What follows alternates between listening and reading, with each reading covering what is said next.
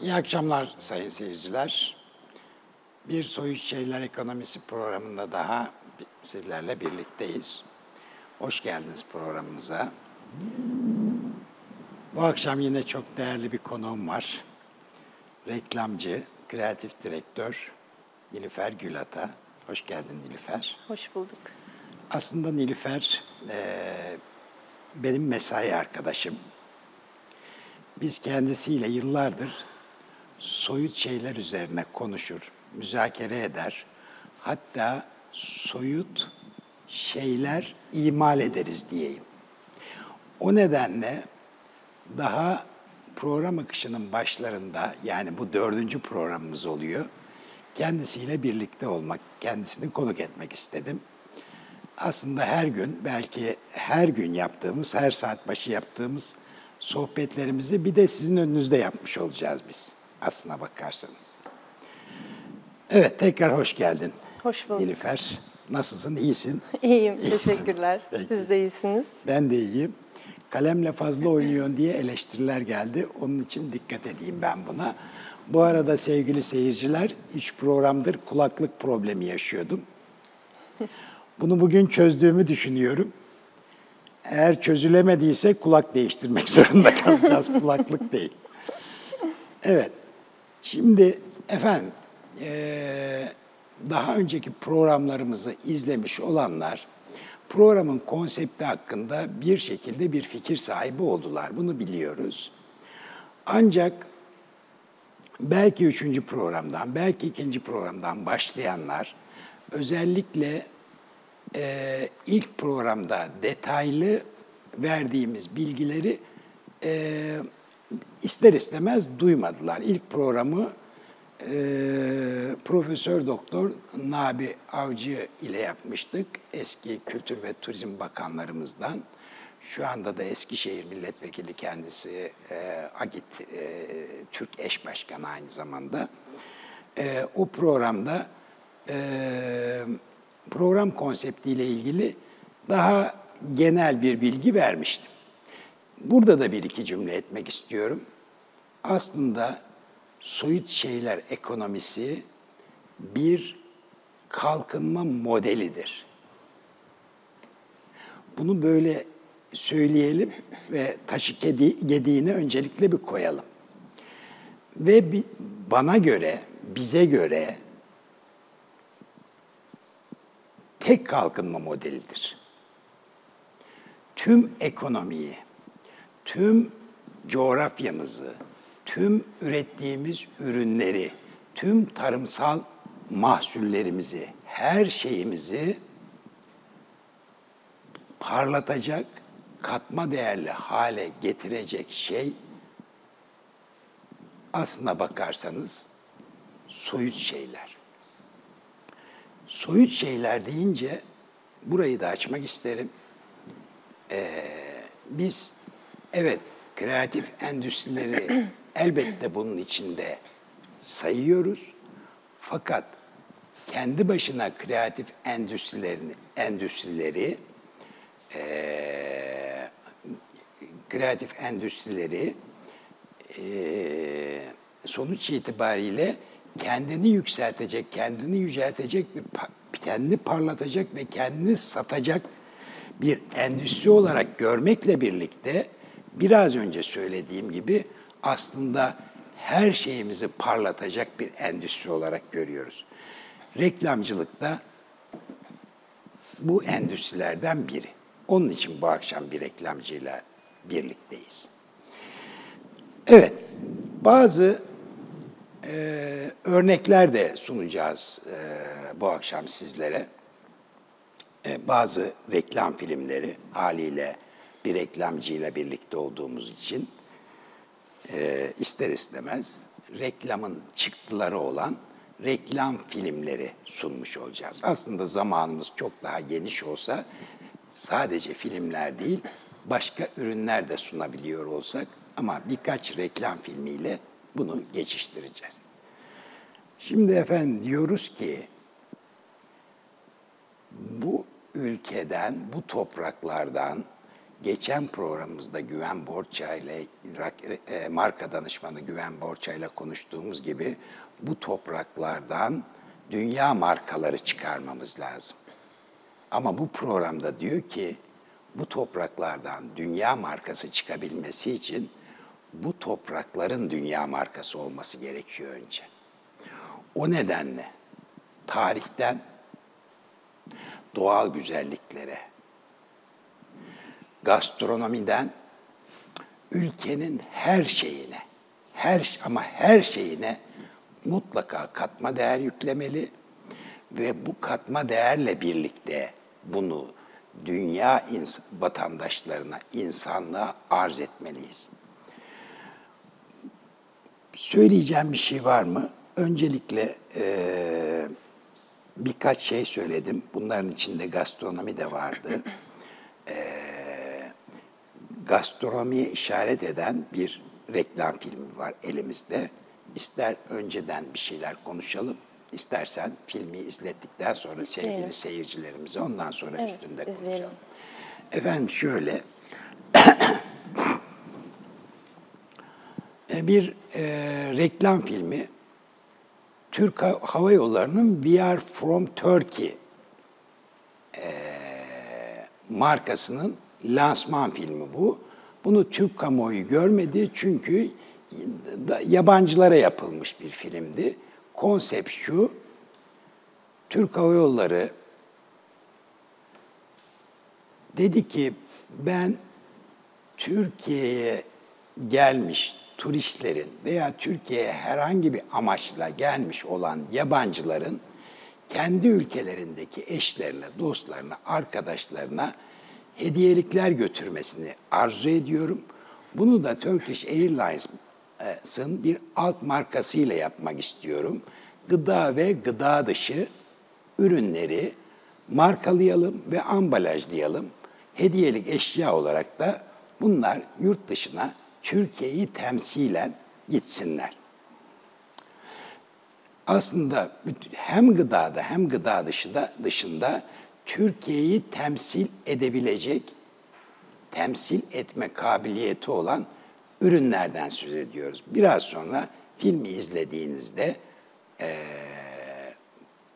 özellikle e, gıda ürünlerini göreceksiniz. Çünkü gıda, e, öncelikle gıda ile başladı e, program. E, gıdayı, gıdayı gastronomi içeren e, bir film izleteceğiz size. Hemen arkadaşlar bu filmi verelim, izleyicilerimiz bir izlesin. Ondan sonra üstüne, üstüne Nilüfer'le sohbete devam edeceğiz.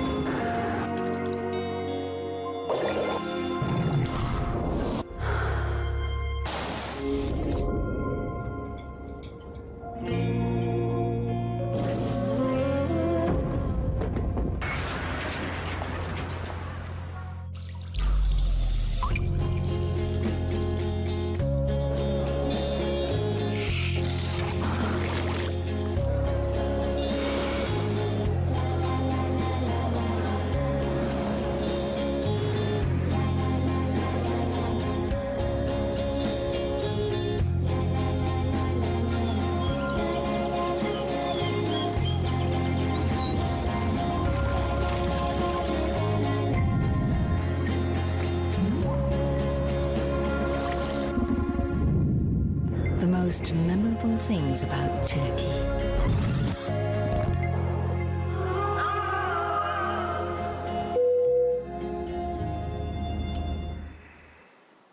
Evet Nilüfer. Rütük nedeniyle filmlerin sonunu kesiyor arkadaşlar. Söz sende. Ee, yani izlediğimiz bu filmden hareketle biz burada ne görüyoruz?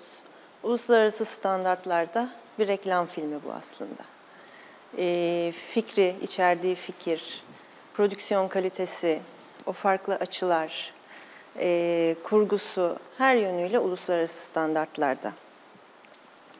Ee, iki nihai hedef birbiriyle bağlantılı söz ettiniz.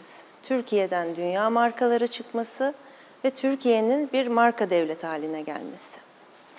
Şimdi bu iki konuya baktığımızda ikisi de aslında e, bir takım ekiplerin birlikte çalışarak başarabileceği bir şey. Kimler var? E, markalaşmaya destek olacak hükümet yetkilileri var. E, reklamcılar var. E, sanatçılar, e, turizmciler. bu bir ekip çalışması. Ama ben bu sürece baktığımda, çünkü çok fazla Türkiye tanıtımıyla da iştigal ettik, çok çalıştık. Ben reklam sektörünü aslında bu meselede en hazırlıklı sektör olarak görüyorum. Neden böyle görüyorum? Çünkü bizim mesleğimiz bu. Marka yaratmak ve ardından marka tutundurmak, markayı güçlendirmek. Evet. Dolayısıyla biz zaten daha işin başında e, bu işi öğreniyoruz, buna kafa yoruyoruz. Pratiğimiz var yani. Aynen öyle. Diğer taraftan e, reklam sektörü çalışanları aslında birçok sektöre göre e, dünyadaki değişimleri, eğilimleri, farklı hedef kitleleri çok yakından takip eder. E, bu anlamda da aslında uluslararası standartlara çok yakınız. Çünkü mesleğimiz bunu gerektiriyor. Evet. En yenilikçi sektörlerden biridir. E, bu film de onu gösteriyor ki aslında en hazırlıklı, en donanımlı ekipler bizleriz, reklamcılar. E, zaten baktığınızda son yıllarda uluslararası yarışmalardaki Türk reklamcılarının başarıları, Doğru. yine uluslararası ödüller alan Türk reklam yönetmenlerimiz var. Biz son derece hazırlıklıyız aslında bu konuda. Sadece sanki biraz daha interaktif davranmamız gerekiyor olabilir daha çok proje geliştirmek arzusunda olmamız gerekebilir. Bir de e, bir takım basma kalıp düşüncelerden, reklam tekniklerinden de artık biraz uzaklaşmamız gerekiyor olabilir. Bu nedir? Yani bir reklamcı Türkiye tanıtımına dair bir brief önüne geldiğinde ya da brief yoksa bile bunu hayal ediyor mesela. İlk akla gelen Türkiye'yi oluşturan landmarklar bir Galata Kulesi, Pamukkale, Efes bu temalar üzerinden bunları nasıl daha farklı gösteririm? Aslında ilk eğilim bu yöndedir yaratıcıda. Sanki biraz bunu kırmamız gerekiyor. E, çünkü Türkiye sadece bunlardan ibaret değil. Türkiye sadece deniz, kumdan ibaret değil. E, bu anlamda çok başka çalışmalarımız da oldu aslında sizinle de birlikte. Ee, ama reklam sektörü açısından bir, bir diğer noktaya değineceğim ben. Türkiye'den henüz bir dünya markası çıkmamış olması aslında bizim sektörümüzü de olumsuz anlamda etkiliyor başka bir yerden. Hı hı. Ee, sektörü daraltıyor. Mesela bugün dünyada bir Türk reklam network'ü yok. Yani biz dünyada bir reklam tedarikçisi değiliz, henüz olamadık. Bunun en önemli nedeni dünya markalarımızın olmaması. Çünkü dünyadaki networklere baktığımızda, dünyadaki ilk network mesela bir Amerikan network'üdür ve bir Amerikan otomobil markasını diğer ülkelerde pazarlamak adına kurulmuştur. Keza diğer networklerde. Yani bu bir anlamda sigortasıdır reklamcının ve diğer ülkelerde bunlarla başlar daha sonra yerel markaları da katar. Uluslararasılaşmak için diyorsun sen. Evet. Böyle buna da ihtiyaç Evet. var. Aslında Yani- kendi hinterlandımızda bunu yapabilecek e, donanımımız, know-how'ımız var Evet. e, reklamcılık Evet. sektörünün. Evet. Sadece mesela Türkiye'de. Türkiye'den ilk 500'e giren 5 marka çıksa ilk e, uluslararası Türk network'ü de kurulacaktır bence. Evet. Reklam tedarikçisi. Evet, inşallah diyelim buna güzel bir Ee, temel olsun. Bir de şöyle bir durum var. Ee, Bizim yerli markalarımız da maalesef çok fazla itibar ediyor bu anlamda. Mesela en büyük markalarımız e, bir logo değişimi söz konusu olduğunda yurt dışında bu anlamda isim yapmış belli tasarım ofislerine gider. Çünkü bunun bir haber değeri de vardır. Logosunu bilmem kim tasarladı. Ee, Benim bu anlamda en büyük hayalim aslında reklam sektörümüzle de marka haline gelmek dünyada pazarlama iletişimi anlamında. Mesela bir Alman otomobili markalarından bir tanesi bir beş yıl sonra logosunu yenileyecek, bir Türkiye'den bir tasarım ofisiyle çalışsa çok büyük bir gurur olurdu. Evet. diye. Bunu tabii tek başına reklam sektörü başaramaz. Ee, reklam sektörünün gayretini görüyoruz. Biriktirdiği know-how'ı da biliyoruz. Ee, ama ülkenin başka dinamiklerinin devreye girmesi lazım ki bu baş gerçekten ee, başarılabilsin. Evet. Ee, doğrusu. Bu arada burası bir ekonomik kanalı. Hani ekonomi konuşuyoruz. Bu network meselesinin ekonomik boyutu aslında çok önemli. Çünkü dünya markaları mesela Türkiye'ye geliyor ya da başka bir ülkeye. Ee, orada bir pazarlama iletişimi yatırımı yapacak. Bunun için bir bütçesi var. Bu o ülke, o menşe ülkeden çıkan bir paradır. Kendi networklerine yaptırttığında onu ülkede tutmuş oluyor. Evet. Yani Bu networkleşme konusunu ayrıca belki ba- ba- ba- bağımsız bir programda yapmak lazım.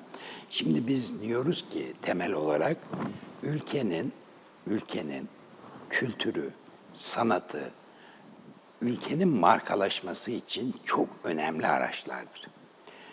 Kültür ve sanat hem kendini markalaştırabilmeli, dünyaya açılabilmeli, hem de tüm bu toprakları yeşertebilmeli diyoruz. ki biz çok zengin bir ülkeyiz Evet. bu anlamda. Ee, bugün e, dünyanın belli ba- başlı markaları kendi menşe ülkelerinden devşirdikleri kültürel zenginlikleri markaların içine katarak e, değerli e, ürünler, ar- markalar arz etmiş oluyorlar e, dünya pazarlarına. Şimdi nitekim Güney Kore'de bu eksikliğini hissettiği için e, bir e, kültürel atak başlattı son 20 yıl içinde ve bunda da ciddi başarı elde Başarılı etmiş oldu. durumda. Evet, bugün itibariyle. Ee, evet, sen e, biraz önce de- e, devlet markası dedin. E, state brand oluyor. Bu aslında biraz e, government yani devletten baktığında böyle. Ben de ülke diye kullanıyorum. Özel bir sebebi var mı bunun? Yani Evet. neden devlet markası dedin? Şimdi bir e, beni et- çok etkilemiş bir makale var. O makaleden söz etmek istiyorum.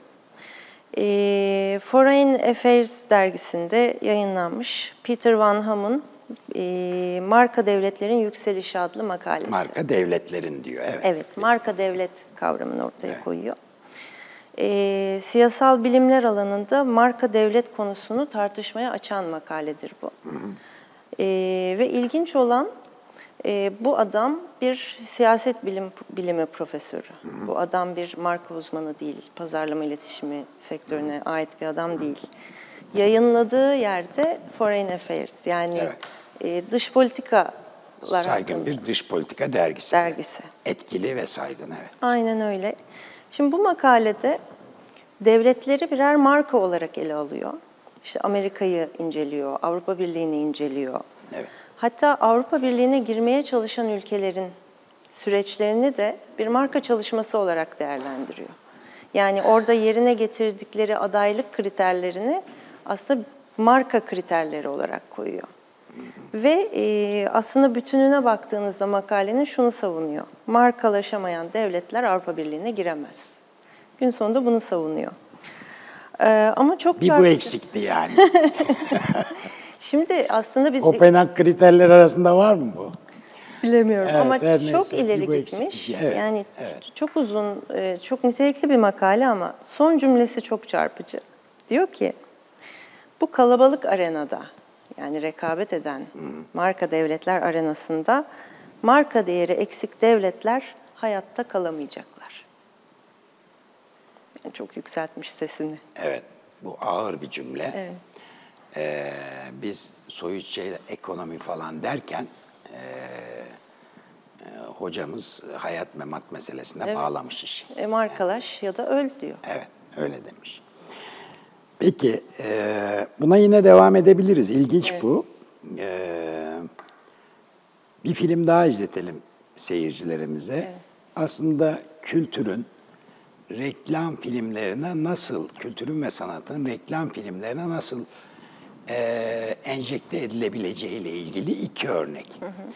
E, Türk şiiriyle iki film yaptınız. Biri iç kamuoyuna Evet. dönük, biri de dışarıya yönelik. Kültür ve Turizm Bakanlığı'nın vizyon misyonuna baktığınızda aslında Evet. iç turizmi destekleme e, misyonu da var. İç tanıtım, dış tanıtım diye Tanıtma Genel Müdürlüğü'nün aslında e, iki misyonu var.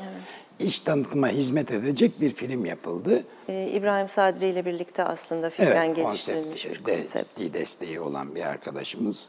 Konu aslında Cumhuriyet dönemi Türk şairlerinin dizeleriyle yeni bir şiir oluşturuldu. Evet. İki film için ayrı ayrı. Türkiye şiiri. Yani vatan sevgisini ünleyen dizeler seçilerek e, bir yeni bir şiir e, oluşturuldu. Evet.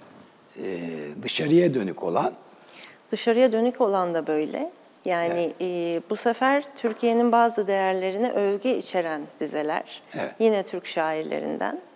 Ama çok özenli bir e, çeviri çalışması yapılarak Evet. haliyle. E, yurt dışı versiyonunda. bir vatanın filmini izle, izleyelim o zaman hemen.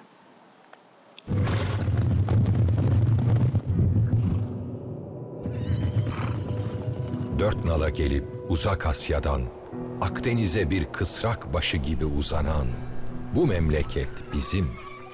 Seni boydan boya sevmişim ta Kars'a kadar Edirne'den. Sen vatanımsın, ekmeğimsin. Bin bir türlü kokuyorsa yaylalar, benim yüreğimde boylu boyunca memleketim var. İnsan yaşadığı yere benzer. O yerin suyuna, o yerin toprağına benzer. Sen Türkiye'sin, ekmeğim, tuzum Türkiye. Alnımın teri, gözlerimin nuru Türkiye. Yeniden yapraklanan şu çınarın gölgesi, şu beyaz minareden dökülen ezan sesi. Ve tesbihe dönüşür zaman, geçer parmak uçlarımızdan. Yaşamıştır derim en hoş ve uzun rüyada. Sen de çok yıl yaşayan, sen de ölen, sen de yatan. Şimdi bir güvercinin uçuşunu bölüşüyoruz. Gökyüzünün o meşhur maviliğinde. Velhasıl yalnız kalamıyoruz. Kalabalık bir haldeyiz. Bırak gelsin ışık, ses, temas. Söyle sevda içinde türkümüzü. Türkiye'm, ana yurdum, sebebim, çarem, taşına toprağına vurgunluğum bundandır. Bütün bunların üstüne, hepsinin üstüne sevda sözleri söylemeliyim. Vatanım, milletim, tüm insanlar, kardeşlerim, insanların, insanların, ah senin insanların, bizi sen sevgisiz, susuz, havasız ve vatansız bırakma Allah'ım.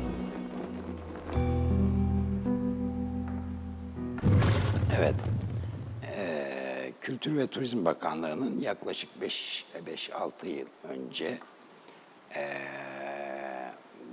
başlattığı bir konsept vardı. Turkey Home. Evet. Aslında bir şablondu bu. Şablonun içi nasıl dolduruldu, iyi mi oldu, yani yoksa zayıf işlerde mi vardı? Bu tamamen ayrı bir tartışma konusu ama Ama bir yatırımdır sonuçta. Evet, sonuçta bir yatırımdır. Ciddi 5-6 yıldır e, Kültür ve Turizm Bakanlığı buna yatırım yaptı. Bunu bir şablon olarak gördüğümüzde aslında daha iyi örneklerle içinin doldurulması eee, şablonu daha efektif hale getirecektir. İster istemez umarız bundan sonrası eee, dediğimiz gibi daha nitelikli işlerle olur İnşallah. İnşallah. bir e, filmimiz daha var. Benzer teknikle yapılmış. Yine Cumhuriyet dönemi Türk şairleriyle yapılmış. Türk Her şairleri. görüşten, her Evet. tarzdan. Ve evet, e, her türlü e, fikre sahip Türk Cumhuriyet'in şairleri. farklı Evet, dönemlerinden. Evet, farklı renkleri de içeriyor. E, bu film benim bildiğim e, yayınlandığı dönemde yurt dışında e, sosyal mecrada en çok like alan ve en çok paylaşılan turizm filmi oldu. Nedeni neydi? Kültür. Farklı bir formatta aslında bir tarafından baktığında klasik bir turizm filmi olarak değerlendirilebilecek bir e, reklam filmi e, Türk şiirlerinin Üzerinde bir katman daha vardı. Evet. Yani her zaman görmeye alışık oldukları semboller yine vardı. Evet. O landmarklar, o doğal güzellikler. Ama onun üzerinde bir katman daha vardı. Bu da kültür sanat katmanıydı. Yeni bir şey söyledi Türkiye. Evet. Yani dedi ki ben bunlardan ibaret değilim. Evet. Bende son derece derinleşmiş bir kültür sanat birikimi var. Bence bu hoşlarına gitti insanların. aynı zamanda ben bir şiir ülkesiyim dedi. Evet. Deniz ülkesiyim derken. Evet. O filmimizde izleyelim. Ondan sonra reklama geçelim. Reklamdan sonra bir bu kadar daha süremiz kaldı Nilüfer. Evet. Arkadaşlar Home of Poetry filmini de izleyebiliriz.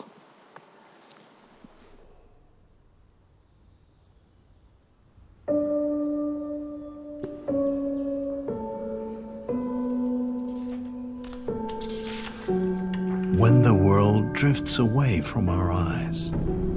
Say, on one of a thousand nights, there begins a dream within a dream. I watch you with a hundred thousand eyes, Istanbul.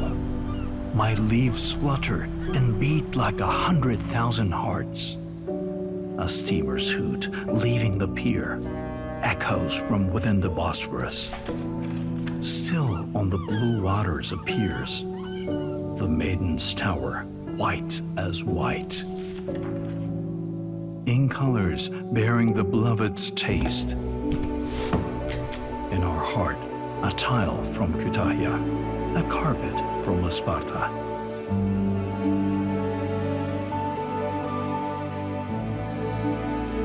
It seems I'm at the spring of a miracle.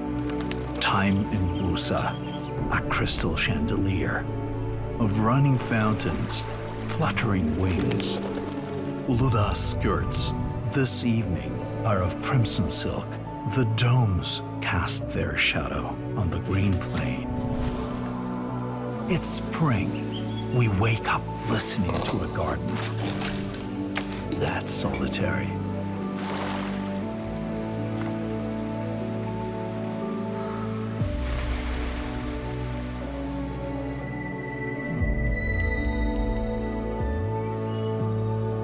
Wisteria vine in full blossom, fruit reddening on the bough. I'm local, like a slice of Trabzon cheese, a tuft of mohair, a pinch of rye, a handful of cotton. Teal green forests billowing in the wind, white blonde harvests facing the village. Each evening with you, a green olive, a bit of blue sea. Lure me.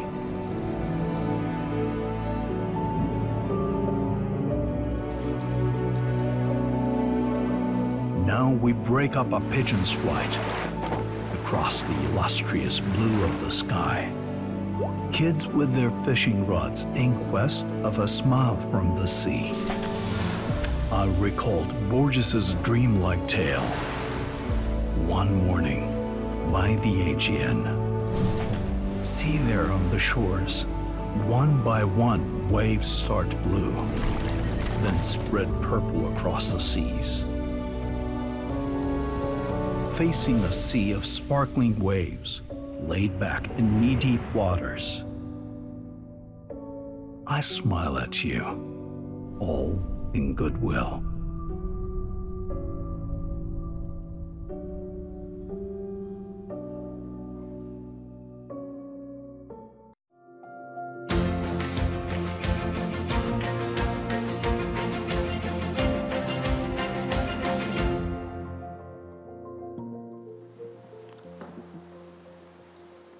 Tekrar merhaba sevgili seyirciler. Nilüfer devam edebilirsin. Filmi izledi sevgili seyircilerimiz. Bu Home of Poetry filminin finalinde e, dikkatlerini çekmiştir. E, Home of Poetry, Ebru, müzik, epics, minyatür gibi dönüşümler var. Ee, bu aslında bir proje olarak başladı. İnşallah devamı gelir. Çünkü e, yapmaya çalıştığımız şey, çıkış noktası sadece şiirle olacak şey değil. Tüm yönleriyle ortaya koymak gerekiyor. Ee, o açıdan da çok değerli Aslında bir eksikler başlangıç. eksikler de var o listede. Mesela mozaik var. Tabii. Muhteşem bir şey.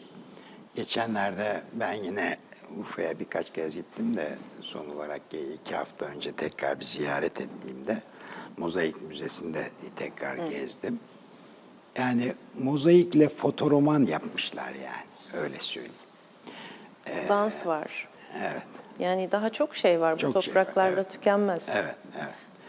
Yani eee, bu cümleyi tekrar edelim. Biz bir kültürel servetin üstündeyiz. Bunu kültürel sermayeye dönüştürebilmemiz gerekiyor. Bu önemli. Bunu hem eee, bu sektörlerin, kreatif sektörlerin kendi iş dinamikleri hem iletişim sektörünün yine bu sektörleri aslında hem yurt içine hem yurt dışına eee, açabil, açabilme başarısını gösterebilmesi. Evet. Şiir eee, sadece bir örnekti diyoruz. Fark yaratma çabası. Evet. Çok önemli. bir e, onu kaç şairde hatırlamıyorum. E, onun üzerinde şairimizin dizelerinin e, dizeleriyle Türkiye'nin güzelliklerini anlatan dizeleriyle aslında herhangi bir e, reklam yazarının da yapabileceği güzellemeleri ama şiirin gücüyle yapan Evet. ve dediğim gibi onun üzerinde şairimizin el birliğiyle, güç birliğiyle yapılmış olan aslında yepyeni bir şiir yapılmış oldu. Hatta filmin sonunda da aslında bir süre onların isimlerini Evet, görebiliyorsunuz. isimlerini. Yani yurt dışında biri Türk şiirini keşfetmeye karar verdiğinde Evet. e, oradan yola çıkabilir, oradan başlayabilir. Evet. Yani rahmetli olan ve hayatta olan şairlerimiz el ele verdiler. Bir Türkiye güzellemesi yaptılar yeni bir şiirle aslına bakarsın. Evet. Evet. Ee, makaleye dönmek ister misin? Yoksa e, senin Aslında bize hazır- izleteceğin birkaç film daha var. Hazır e, Türkiye tanıtımına girmişken aslında bir de daha e, lokal e, çalışmalar var. Yani bölgesel iletişim diyelim. Evet. E, bu anlamda e, Ünye için yaptığımız yine başarılı bir çalışma var. Aslında belki onu izleyebiliriz ve onun üzerine de konuşabiliriz. Peki, onu izleyelim o zaman. Ünye filmini izleyelim arkadaşlar.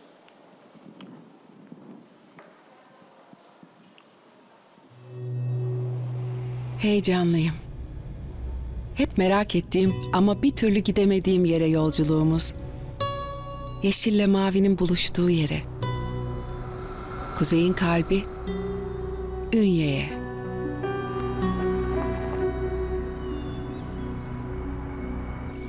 Güneşin denizden doğup denizden battığı pek az yerden biri. Bizi karşılayan mis gibi mısır ekmeği. Kokusuyla kahvaltıyı unutulmaz kılan minik dağ çilekleri.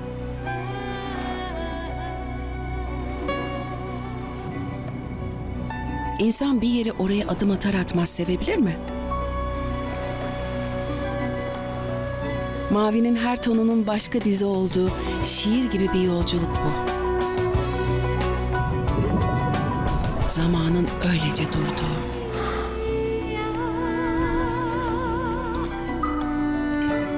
Sadece doğanın konuştuğu.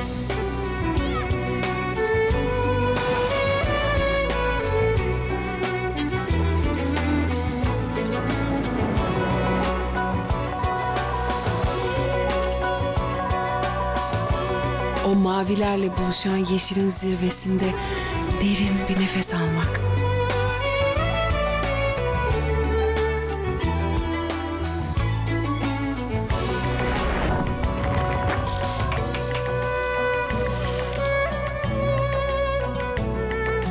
Bir ünye sofrasında hiç bilmediğimiz lezzetlerle büyülenmek.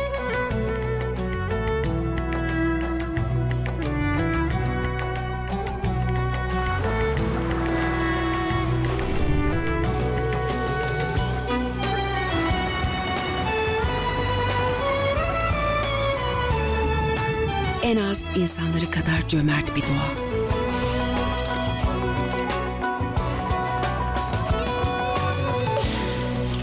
En az doğası kadar canlı bir tarih. Etkileyici ve kucaklayıcı bir kültürel miras.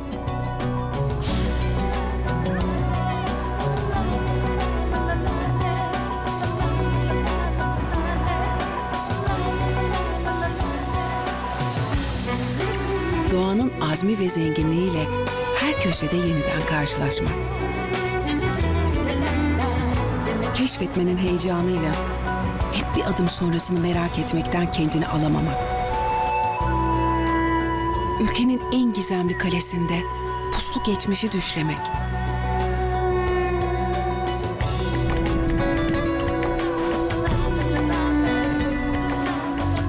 Ve Ünye pidesi. Bir pide ne kadar lezzetli olabilirse o kadar. Yeniden karşımıza çıkan nefis dağ çilekleri.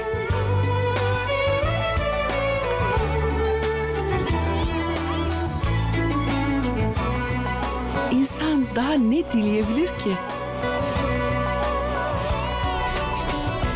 Dünü ve bugünüyle kalıcı bir ünye imgesi oluşuyor zihnimizde.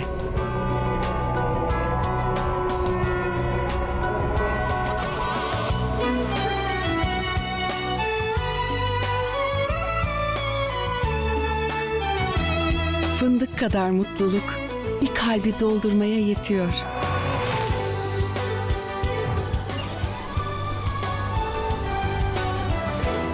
Babalarımızdan dinlediğimiz topaçlar sokakları çocuk cıvıltılarıyla dolduruyor. Yaşama dair ne varsa tazeleniyor. Geçmişin kapılarında yüz yıllık hatıralar birikiyor ceplerimizde.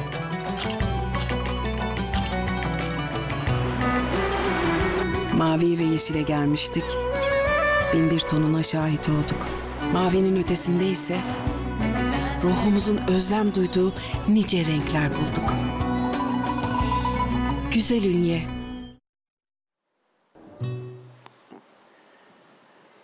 Evet, keşif için büyük bir ekip Ünye'de epeyce bir zaman geçirdiniz. Ama e, yorucu olmakla birlikte herhalde Nispeten keyifli. üyeli oldum Ünye. bu projeyi ortaya koymak için. Evet.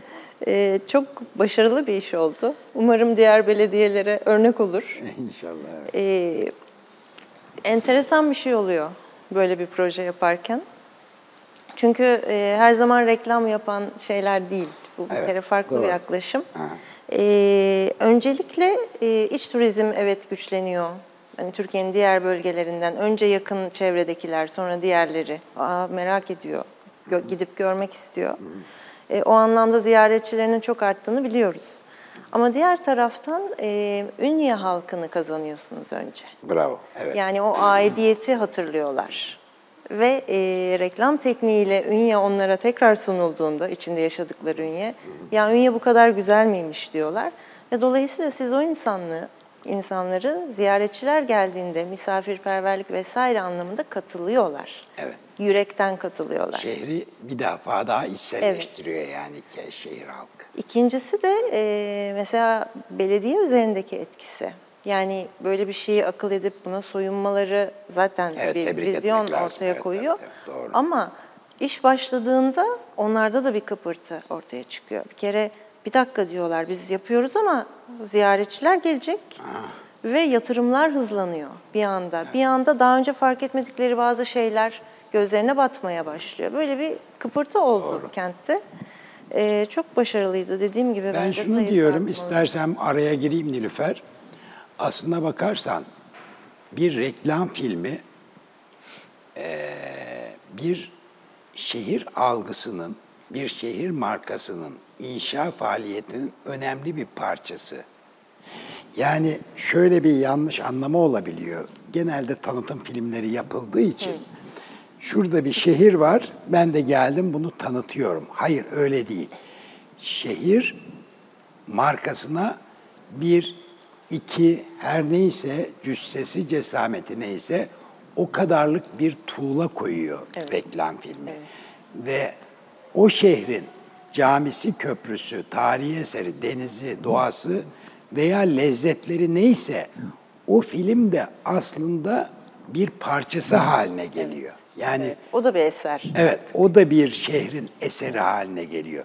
Tanıtım fonksiyonunu yapması yanında asıl önemli olan fonksiyonu inşanın bir parçası oluyor olması. Bu da çok önemli bir şey. Katma değer Evet. dediğimiz şey. Yani genelde bizim şehirlerimiz hep tanıtım filmleri yap, yaptıkları Yani ne için. var ne yok ortaya Evet, koyan or- evet. e, filmler. Evet. Ama burada bir duygu da koyuyorsunuz. Evet. Yeni bir ünye fikri koyuyorsunuz ortaya. O anlamda çok önemli. İstersen e, zamanımız e, Ne kadar vakit? Vallahi eriyor yani. Ar eriyor yani. E, biz sığdıramıyoruz konuklarımızla konularımızı bir saatin içine. E, programdan önce de biraz sohbetini etmiştik. E, bu başta söz ettiğimiz makalenin Evet. Peter Van bir- Ham'ın bir diğer makalesi bir var. diğer makalesi var. Daha evet, sonra kaleme bize ondan aldı. bahset. Onda neler demiş? Önümüze ne gibi barajlar O, koymuş orada bakalım. şöyle ilginç bir şey var. Ee, orada aslında bir riski e, ortaya koyuyor daha çok. Yani markalaşmazsam ne olurum anlatıldığı bir şey. Ee, Place Branding, The State of the Art adlı bir makalesi bu. Hı, Başlığı da ilginç. Evet. Burada Kazakistan'ı inceliyor. Çok ilginç. Ve Kazakistan'ın tam ciddi atılımlar yapmaya başladığı yıllarda. Ee, şöyle diyor, bilinmez ve markasız olmak bir devleti üçüncü partiler tarafından olumsuz markalama ve imaj gasplarına karşı savunmasız hale getirir. Borat, şanlı Kazakistan milletinin çıkarlarını arttırmak için Amerikan kültürünün incelenmesi. Filmin adı bu. Borat filmi. Biz hep Borat diyoruz ama filmin açık adı bu. Filminin yayınlanmasıyla Kazakistan'ın başına gelen de budur. Komedyen Sacha Baron Cohen'in oynadığı Borat, küresel izleyicilerin eski Sovyet Cumhuriyeti Kazakistan'ın neye benzediğini bilmiyor olmalarını kullanıyor. Film Kazakistan'ın imajını köy salaklarının yaşadığı grotesk bir su birikintisine dönüştürüyor diyor. Tekrar eder misin o cümleyi? Film Kazakistan'ın imajını köy salaklarının yaşadığı grotesk bir su birikintisine dönüştürüyor. Evet. Ee, Dönüştürüyor. dönüştürüyor. Yani burada diyor ki yani o ilk cümle çok önemli. Üçüncü partiler tarafından olumsuz markalama ve imaj gasplarına karşı savunmasız hale gelmek. Evet. Bilinmezlik bu hale getiriyor. Markalaşmamış olmak. Ve e, Kazakistan hükümeti sonrasında bunun böyle olmadığını, gerçek Kazakistan'la o görüntülerin, o karakterlerin ilgisinin olmadığını anlatmak için halkla ilişkiler şirketlerini işe almak zorunda kalıyor. Uluslararası reklam filmleri, uluslararası büyük kanallarda, gazetelerde ilanlar yayınlamak zorunda kalıyor. Ve sonrasında tabii onlar da bu işlere eğiliyor. Onu toparlamak için daha büyük bir bedel ödüyor Tabii. tabii. Ama işte o zaman da o know-how birikim yoktu tabii. Yani Kazakistan'da aslında bütün e, Sovyetlerden ayrılan Türk Cumhuriyetlerinin hiçbirinde e, imaj oluşturmaya yönelik faaliyetlere başlayacak. Bu bir know-how. uyandırma faaliyeti haline bu- gelmiş evet. de olabilir. Yani olumlu yönden bakarsak. Ama ilginç olan sizin e, makalelerinizden bir tanesiyle çok e, benzer geldi bana bu makalenin içeriği. Markanızı kendiniz inşa etmezseniz bunu sizin yerinize başkaları yapar Evet. dediğiniz makalede sanırım benzer şeylerden söz ediyorsunuz siz de. Evet, aynı şeyi söylüyor aslında. Markanı kendin inşa etmezsen senin yerine onu başkaları yapar. Ama kendi istediği gibi yapar tabii. Senin istediğin gibi yapmaz. evet, Kazakistan'ın başına da böyle bir felaket gelmiş yani. Aslında, bu Aslında- felaket arkasında bir komplo teorisi görüyor muyuz bunun? Zaten üçüncü partiler diyor. Diğer hükümetler demiyor. Üçüncü partiler. Yani bir komedyenin çekeceği bir film mesela. Sizin bilinmezliğinizi istediği gibi kullanır diyor. Kullanabilir diyor. Burada bir komplo olmayabilir Ama, ama olabilir. olabilir. Tam atağa geçmiş bir e, Türkiye Cumhuriyeti olduğu için. Evet. Kazakistan belki Rusya ile ilişkileri filan yani olabilir. Neyse bizim işimiz komplo teorisi Ama burada önemli olan e, açık hale gelmek. Evet, bu tabii. tür imaj Tabii, tabii, evet, evet, ki elbette. bence bizim için çok ciddi dersler Aynen, var bunun içinde. aynen, aynen. Sonuçta biz e, bu anlamda çok e, göz önünde bir ülkeyiz. Aynen. E, Şimdi burada bir boşluk var. Kale boş. Şutu çekiyor gol. Şimdi anlaşılan o. Bu makaleden anlaşılan o. Aslına bakarsan e, şöyle bir yere evrilebiliriz buradan. Diplomasi ve kamu diplomasisi. Evet. Dip, dip bir diplomasi dili vardır. Bu dil savaş diliyle aynı değildir. Soft power unsurları arasında, ince güç unsurları arasında yer alabilir. Ama diplomasinin dili de iki üç adımdır. tabii. Onun arkasından eğer kamu diplomasisini kullanmazsak ve ben kamu diplomasisini çok geniş görüyorum. İşte turizm de bunun içine giriyor bence. Ee, eğitim de giriyor. Birçok e, alan giriyor, birçok disiplin giriyor. Kamu diplomasisinin dilini kullanmazsak diplomasi dili de zayıf kalıyor. Son filmimiz, e, istersen o filmi de gösterelim. Şimdi e, Suriye'den göç kabul ettiğimiz, göçmenleri kabul ettiğimiz dönemler. Çok kritik dönemler. Evet, hatta. çok kritik dönemler. İçeride yerel halkta bir şok dalgası var. Evet. Çok yoğun ülkeye giriş var. Evet. Dış basında çok fazla haberler var. Evet. Ve haberler genelde olumsuz yönde. Evet. Terörist Geçişlerinden, geçişlerinden bahsediyorlar. bahsediyorlardı, evet. Ee, ve tam o dönemde aslında biz de, de bir çalkalanıyoruz yani e, bu insanlara sahip çıkma noktasında. E, kilis çok ilginç bir örnekti. Bir cümle kurmama müsaade Tabii, et, buyurun. sonra devam et. Biz bu suçlamaları diplomasinin diliyle savuşturmaya çalıştık, başarılı olamadık. Başarılı niye olamadık? Bir, diplomasinin dili bir yere kadar işlev görüyor diyorum ya. Ama daha vahim bir durum var. Diplomasinin dili karşı tarafın samimiyeti ölçüsünde de işlev görebiliyor. Sana inanmaya hazır olmayan, hatta inanma konusunda direten bir muhatabın varsa zaten diplomasi dili hiçbir işe yaramıyor. Ne söylesen boş Evet durum. ama kamu diplomasisinin dili öyle değil. Evet devam et. E, tam öyle bir dönemde kiliste de öyle bir e, mülteci akını olmuş ki e, neredeyse eşitlenmişti yerel halk Evet. nüfusuyla. Ciddi Evet. bir demografik değişim demek bu. E, ancak orada korkulan hiçbir şey olmamış. Yani işte suç oranı yükselmemiş, kilis halkı bu insanlara sahip çıkmış, ellerinden gelen yardımı yapmış. Suriye'den gelenler oralarda dükkanlar açmış, ticaret hayatına atılmış. Bu insanlar kardeş kardeş yaşıyorlardı. Ve o dönem Kilis Belediyesi bunu anlatmak istedi dünyaya. Ee, kamu diplomasisi dediniz ya, hani sadece sözden ibaret değil. Bir de bir hikaye yaratmanın gücü diye bir şey var. Evet. Ee, biz bu filmde aslında onu denedik. İsterseniz önce izleyelim, sonra üzerine konuşalım. Önce izleyelim sonra konuşalım. Böyle bir film yapıldı. Ee, gidildi kiliste, kilislilerle görüşüldü, yerel Tabii. halkla görüşüldü. Füzelerin şehire düştüğü Düşerken. dönemlerde kamplarda görüşmeler yapıldı ve ortaya Hikayeler topladık, hikayeler toplandı ve ortaya bir hikaye çıktı. çıktı. Evet. Bu hikayeyi bir reklam filmine dönüştür dönüştürdük diyelim. Evet.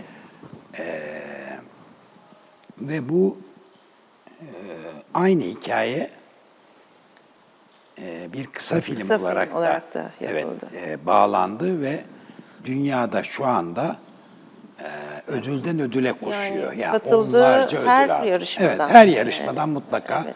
bir ödül aldı.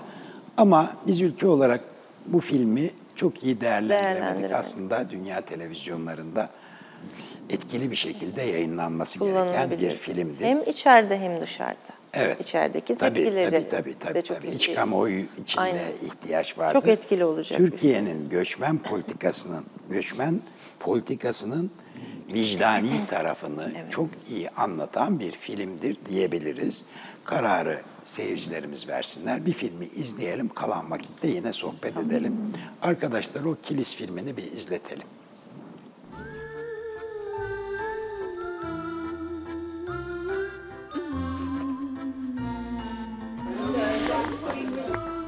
Mama.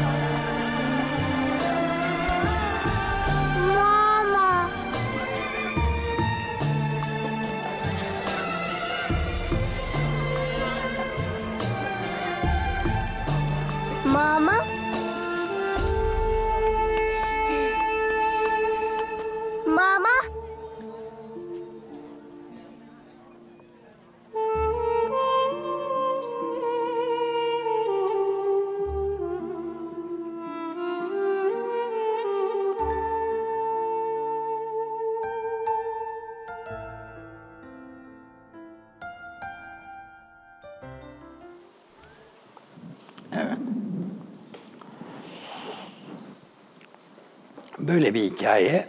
Bunu bir e, dostum ABD'de ABC televizyonunun üst düzey e, yapımcılarından birine izlettiğinde e, arkadaş gözyaşlarını tutamıyor.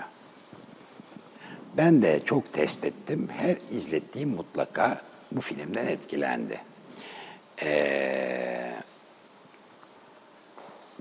bu film yayına girdi ya da girecek. O esnada İstanbul'da benzer bir hadise yaşandı. Hatırlar mısın? Bir e, 5-6 yaşlarındaki bir çocuk kaldırımda yürüyen bir kadını e, Suriye'de ölen annesi zannetti. Ve kadının eteklerine yapıştı. İnsanlar ayıramadılar. Polis geldi, başka arkadaş şeyler geldi.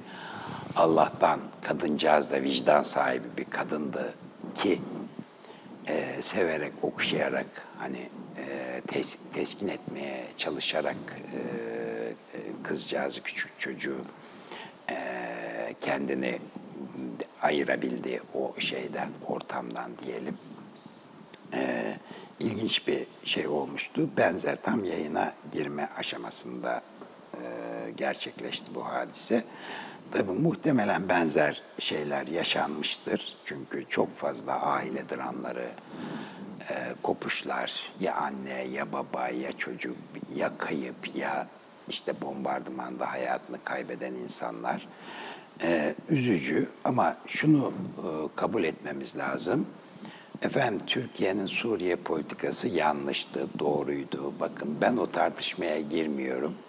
Ama kilisi gören, bölgede kampları gezen biri olarak Türkiye'nin göçmen e, politikasının tamamen insani ve vicdani temeller üzerine oturduğunun şahidiyim diyeyim. Ya iyi yaşam ortamlarından eğitim imkanlarına kadar. Evet ama iki halkın bir araya gelmesi, farklı kültürler, bir takım problemler elbette yaşanabilir, yaşanıyordur da. Ama bunlar başka yerlerde olacağının en asgari düzeyi öyle söyleyelim. Herhalde 100 bin göçmen var kiliste, 100 binde yerli, yerel halk var. Belki filmden sonra daha da artmıştır. Evet sayı da artmıştır belki. Ee, ama asayiş olarak Hani e, herhangi bir şehirde olabilecek kadar asayiş e, olayları. Sadece kilis var. de değil Selim Bey. Yani aslında Türkiye Cumhuriyeti Devleti ve Türkiye Cumhuriyeti vatandaşları bu mülteci politikasında hepimiz çok ciddi fedakarlıklar yapı- Evet. yapıyoruz. E, bunun anlatılması lazım. Nilüfer maalesef süremiz bitti. Şöyle bir cümleyle bitirelim. Biz iyiliği temsil eden bir ülke olarak kamu diplomasisini böyle kullanarak dünyada böyle nam salmalıyız. Çünkü öyle yaptık. Evet. Sevgili seyirciler, iyi akşamlar diliyorum. Haftaya Hülya Avşar konuğumuz olacak. Yine bekliyoruz sizi efendim.